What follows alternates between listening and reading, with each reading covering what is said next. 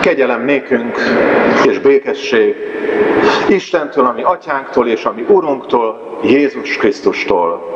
Amen. Hallgassa meg az ünneplő keresztény gyülekezet azt a szent igét, melyet egyházunk mai vasárnapra, a Szent Háromság ünnepe utáni 12. vasárnapra ige hirdetés alapjául kijelölt, megírva találjuk Pálapostolnak a rómaiakhoz írott levelében, a 9. fejezet 15. és 16. versében a következőképpen.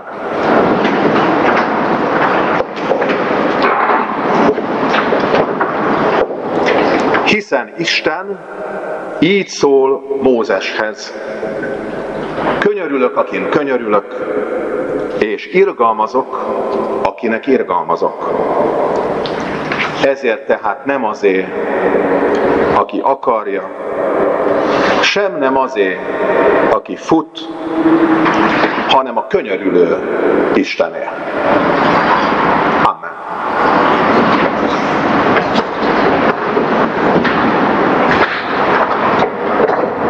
Keresztény gyülekezet, szeretett testvéreim az Úr Jézus Krisztusban, a reneszánsz eredetű Scravittós ház kőszeg egyik legszebb épülete.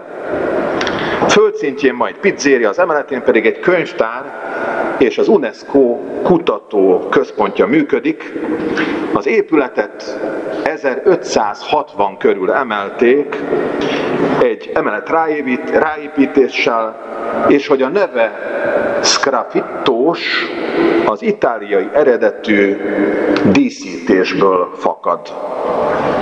Az épület nevét adó olasz szó azt jelenti, hogy kaparni, visszakaparni, és ennek a reneszánszban divatos díszítés módnak az a lényege, hogy a falra két vagy több különböző színű vakolat réteget raknak, majd a felső réteget a kívánt minta szerint lekaparják.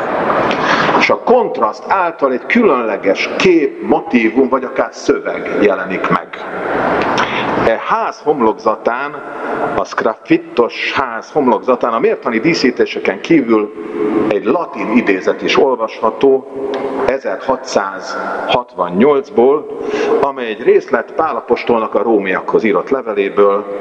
A latin nyelvű idézet így hangzik, non est volentis, neque currentis, sed miserentis Dei.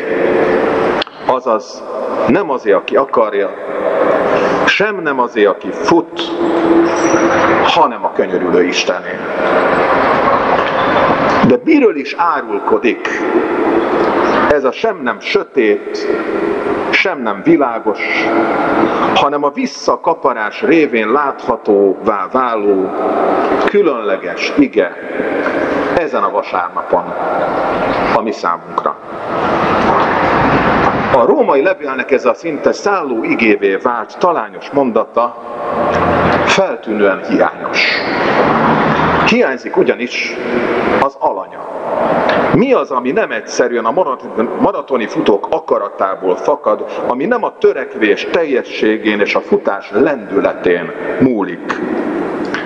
Mi az alanya ennek a mondatnak, hogy nem azé, aki akarja, nem azé, aki fut, hanem a könyörülő Istené.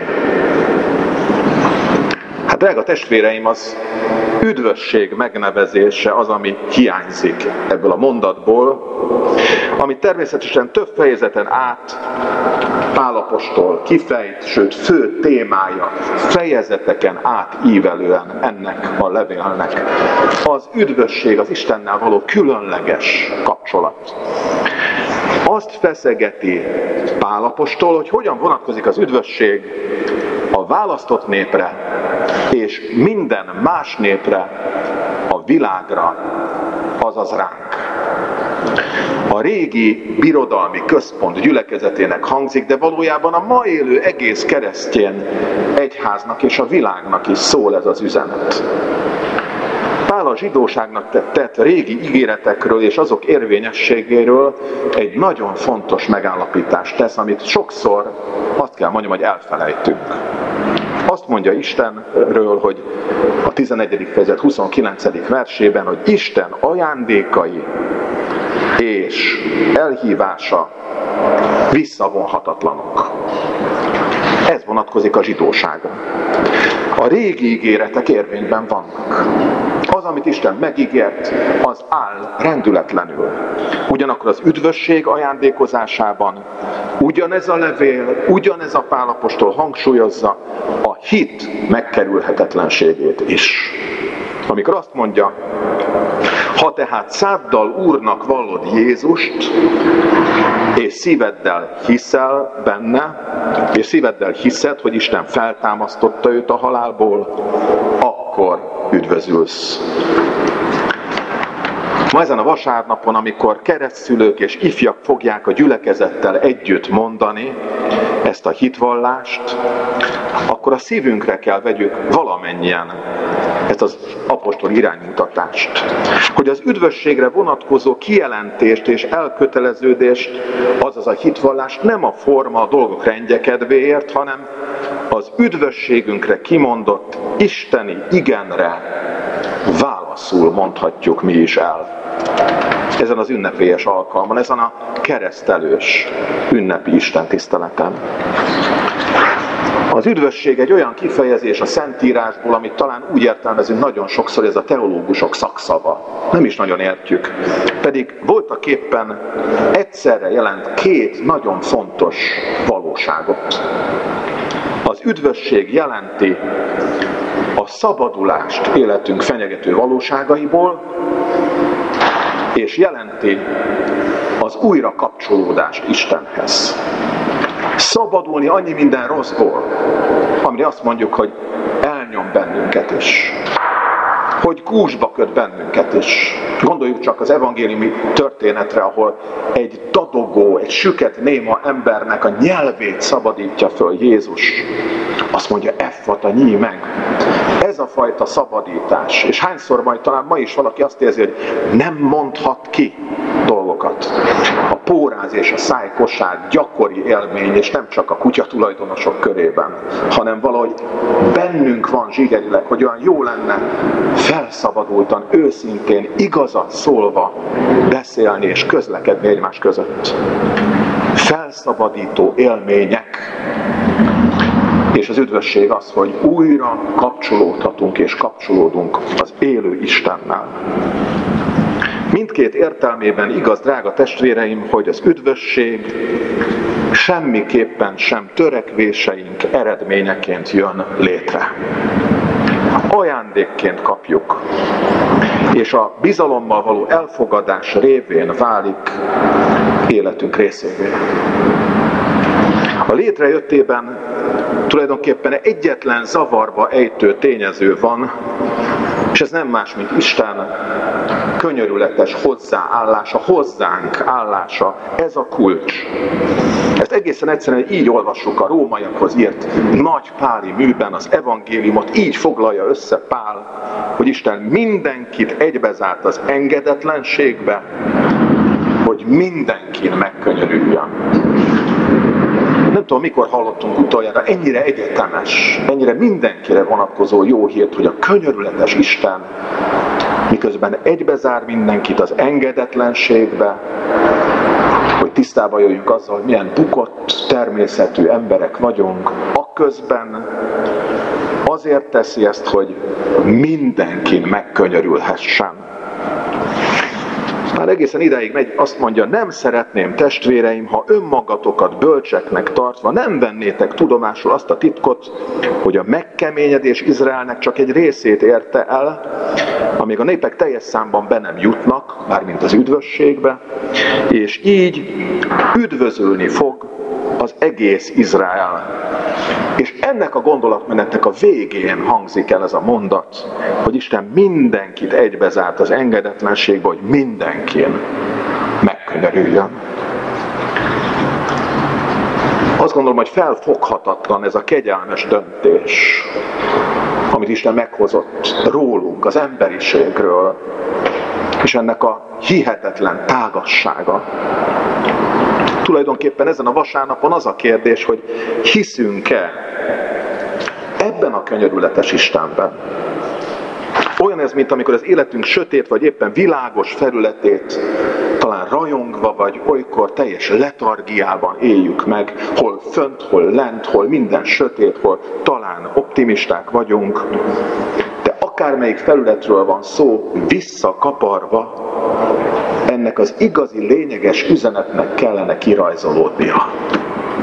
Ebben a kontrasztban, ahol megfogható lesz számunkra is a lényeg, kérdések talán így sorolnak számunkra is, hogy vajon meddig futunk még, meddig próbálkozunk egymáson túl licitálva bizonygatni a saját fontosságunkat, vagy egyszerűen csak megélni innen-onnan jövő identitásunkat. Hány és hány tettel igyekszünk bizonyítani, hogy mi igenis számítunk.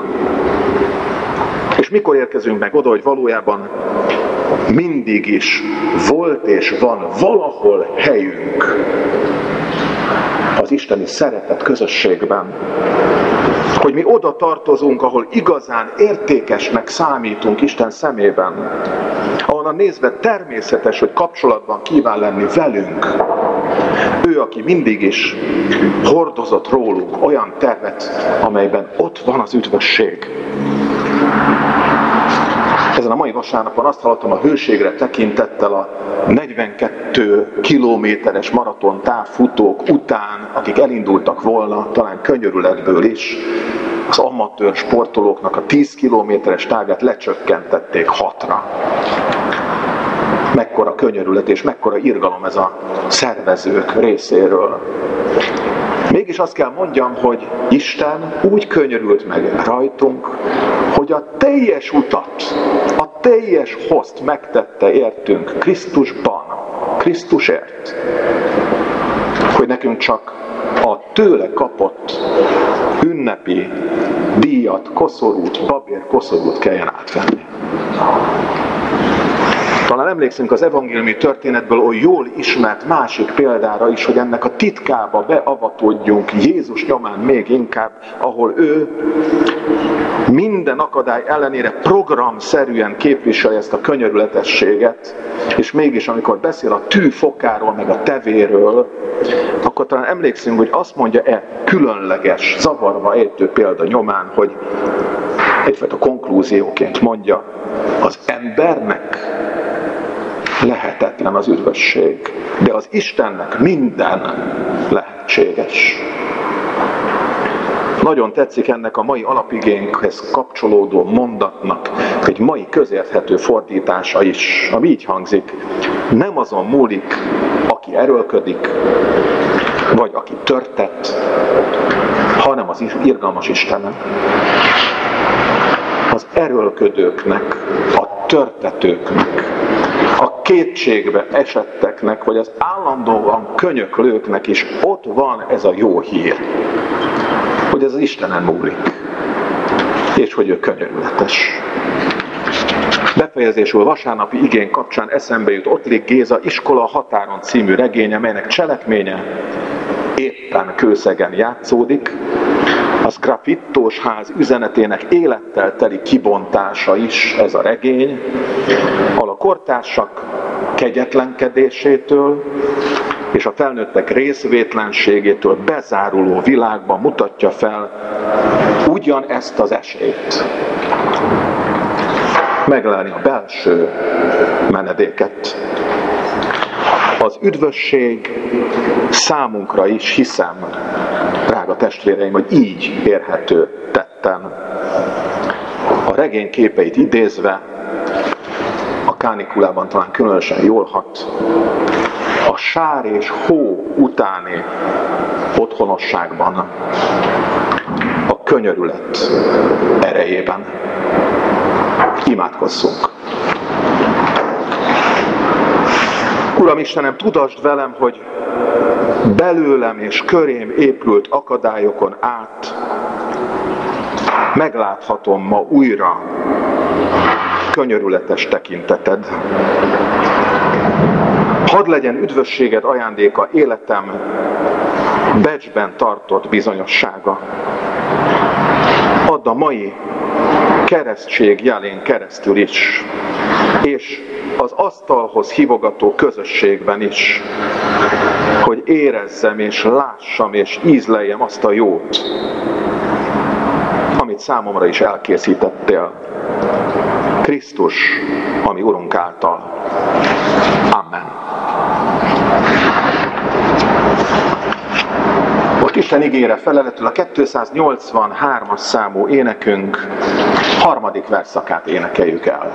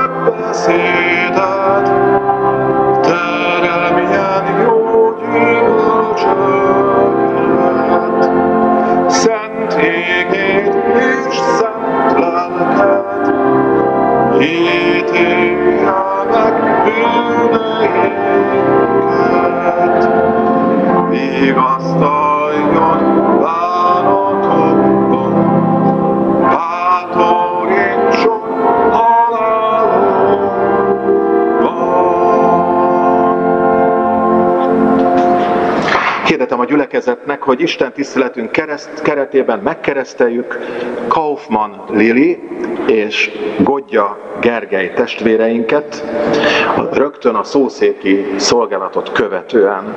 Majd kiosztjuk az Úr szent vacsoráját, Krisztus teste és vére közösségébe hívogatunk mindenkit Jézus hívása alapján, aki erre lélekben szabad és felkészült felekezeti hovatartozása való tekintet nélkül. Az Isten tisztelt végén a záróáldást úgy mondjuk, hogy valójában azt reméljük, hogy mindannyian együtt tudunk maradni az Isten tiszteletet követő szeretett lakomára, hadd mondjam így, nem csak vendégség, hanem lecsós, kuszkusz főtt, nem kis adagban, több mint 7 órán keresztül ügyködtek önkénteseink, fantasztikus áldozatot vállalva, hogy 50 liternyi lecsót elkészítsenek, nem csak az itt jelenlevőknek, hanem érkező vendégeinknek is, akik a délután során talán a meleg elől menekülve és egy ilyen könnyed nyárias ételt fogyasztanának el. Mindenki vendégünk, aki teheti, adományjegyeket már itt is vásárolhat 800 forintos egység áron. Ilyen értelemben meg lehet együtt várni a délutáni kezdést, hiszen két órától a Reformáció Parkban annak 15 éves születésnapját ünnepelve lehetünk együtt. Itt van a templomban már körünkben Ljubljana. Alpolgármester úr Szűcs Balázs, aki ünnepi beszédet mond, köszöntőt mond. Itt van körünkben Kis Eszter színművész, aki egy különleges beszéddel készült, amit meghallgathatunk a park történetéről. Nagy szeretettel köszöntjük őt is, és hát bízunk abban, hogy sokan gyülekeznek, talán azért is, mert az Iránó Színház Zalagerszegből fölkerekedve azért jön, hogy egy fergeteges bábjátékkal kedveskedjen mindenkinek, aki eljön ide. Grundfoci is lesz, csillám tetkó, mégpedig olyan formában, hogy evangélikus, Luther rózsás csillámtetkót is lehet a mai napon kérni. Szóval sok minden, ami érdekes lesz és különleges. Várunk szeretettel mindenkit erre a délutáni programra, és ott fél ötkor egy különleges záró akcióban zárul majd ez a program, hogy jól megünnepeljük azt, hogy 15 éve nem csak a templomban, hanem a park köreiben is ez a felszabadult, örömteli üzenet, az evangélium, az jelen van Erzsébet városnak ezen kereszteződésében. Nos, van néhány olyan dolog, amit még külön meg kell említsek. Hát például az, hogy a hónap első vasárnapja szeptemberben az már bizony az iskolásokról is szól. A családi istentiszteletek első ilyen alkalma 4.11-kor kezdődik szeptember 3-án, utána 11 órától urvacsorás istentisztelet lesz, ahol Birgit Jenik vagy Birgit Molnár nevű testvérünk Németországból, Bajorországból érkezik, hogy közöttünk prédikáljon. Vele legutóbb a Trosbergi testvérgyülekezetünkben találkozhattunk, harmadikán ő lesz az igehirdető, és már előre mondom azoknak, akik a hittanos tanévnyitót várják, hogy az pedig szeptember 10-én lesz. Van egy nagy újraindulás szeptemberben azért is, mert most újra elkezdjük minden vasárnap az angol istentiszteleteinknek a sorát, azt tudja mindenki talán a gyülekezetből, itt reggelenként református istentisztelet van, ezért az angol nyelvű alkalmakat a Damjanics utcai gyülekezeti központban fogjuk tartani, ha jól emlékszem, fél tíz órai kezdettel, minden vasárnap Anne Moravski vezetésével. Szeretettel hívjuk és várjuk a testvéreket ezekre az alkalmakra is. Kiáratnál kapható az Evangélikus Életmagazin legújabb száma, ajánlom mindenki szíves figyelmébe. A szószéki szolgáltat követően pedig presbiter testvéreink összegyűjtik a felajánlásokat a gyülekezet javára. Isten áldása legyen adományainkon és azok Isten tetszése szerinti felhasználásán. Végezetül Isten békessége, mely minden értelmet meghalad, őrizze meg szíveinket, gondolatainkat Krisztus Jézusban, feltámadott Urunkban. Amen.